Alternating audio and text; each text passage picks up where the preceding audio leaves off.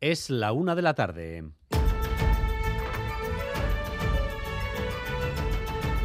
Crónica de Euskadi con Dani Álvarez. Arrachaldeón, el listado de víctimas de la violencia y el terrorismo que aparece en una web del Ayuntamiento de Galdacao llega al Parlamento y motiva también la primera reacción del Gobierno.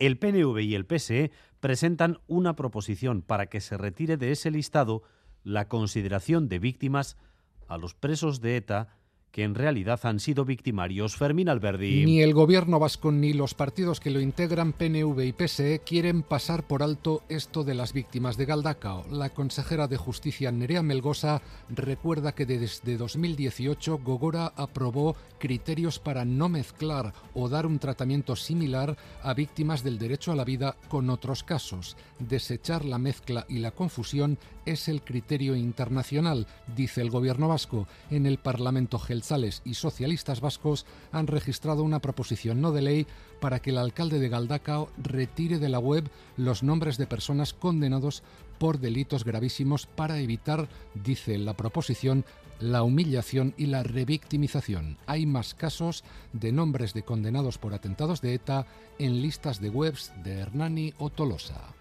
Mientras el Endacari intenta acentuar hoy su presión en el ámbito internacional, se reúne con los embajadores de Francia y Portugal para reclamarles cara a cara lo que ya le pidió a Macron y a Pedro Sánchez por carta, que Euskadi y todo el corredor atlántico no se queden fuera del desarrollo del tren en Europa. José Luis Fonseca. Cuarta vez en un mes que el va a poner sobre la mesa la necesidad de unir las regiones del norte peninsular a través del eje atlántico y la alta velocidad. En una hora se reunirá en Madrid con el embajador de Francia, con el embajador portugués a las 5 de la tarde. A los lusos no tendrá que convencerlos, ya que Portugal hace tiempo que apostó por priorizar la alta velocidad y el eje atlántico uniendo Lisboa con Vigo. Más difícil lo tiene Igurcuyu para convencer a los galos en su pretensión de retrasar la conexión de alta velocidad DAX Endaya de 2030 a 2042. Un informe hoy confirma con datos la impresión que todos tenemos.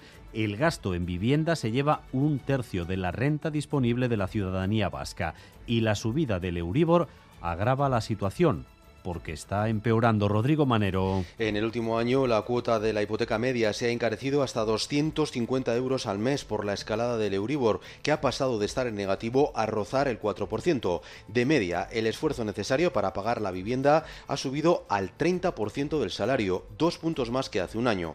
Estamos en el límite de lo que se considera tolerable para una economía familiar, pero la situación podría agravarse los próximos meses y por eso el gobierno vasco pide a los bancos que apliquen ya las medidas anunciadas para ayudar a los hipotecados. Un vídeo grabado por tropas rusas en Ucrania nos muestra de nuevo la ejecución de crímenes de guerra.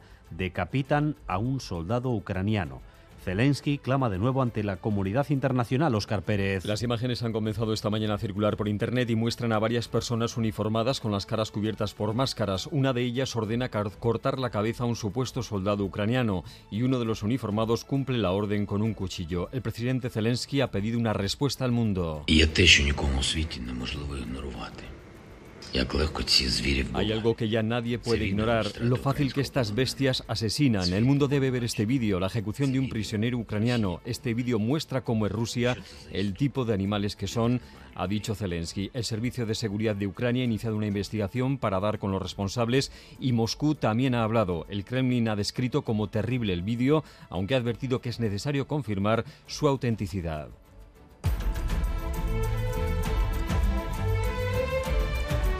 Ayer les contábamos que en el sur del país algunos agricultores están cambiando de cultivos por la escasez de agua y el aumento de las temperaturas. Los datos de Euskalmet al respecto son claros. En Araba, al sur de Vitoria, en el último año, ha llovido un 60% menos. Natalia Serrano. En los últimos 12 meses, Euskalmet ha registrado en esa estación Vitoria-Gasteiz la caída de 466 litros por metro cuadrado. Lo habitual son más de 800. De abril a abril, también en la costa, los registros de precipitación bajan, cerca en este caso del 30%. En la estación de Bilbao, en los últimos 12 meses, se ha registrado una caída de 865 litros por metro cuadrado cuadrado, cuando la media es de más de 1.200. La menor precipitación en Vitoria-Gasteiz y todo sur de Álava se sitúa en el marco del cambio climático.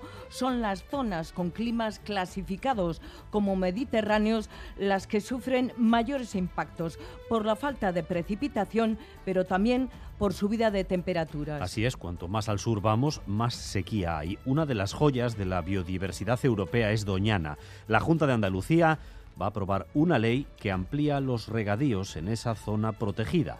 Lo van a hacer contra el criterio de Madrid y de Bruselas. Sonia Hernando. 1.500 agricultores que no tenían regularizada su actividad han conseguido que esta tarde el Parlamento andaluz recoja sus reclamaciones. Van a recuperar sus explotaciones y tendrán acceso regular a la escasa agua que ahora hay. Eloy Revilla, director de la Estación Biológica de Doñana, nos aclara, eso sí, que la mayoría de los agricultores de la zona están en contra de esa regulación les afecta en las concesiones que tienen de agua, si hay más superficie hay que repartirla y les va a tocar a menos, y además están sufriendo en los mercados internacionales el desprestigio de sus productos. Porque las fresas de Huelva están saliendo en diarios como The Washington Post o The Guardian, alarmados con la crítica situación de la mayor reserva natural de Europa, que ha perdido ya la mitad de sus lagunas. Esta tarde arranca en Vitoria el festival 150 gramos. La compañía Cuatro Ojos Teatro representará la obra Yo Dictador en la librería Zuloa.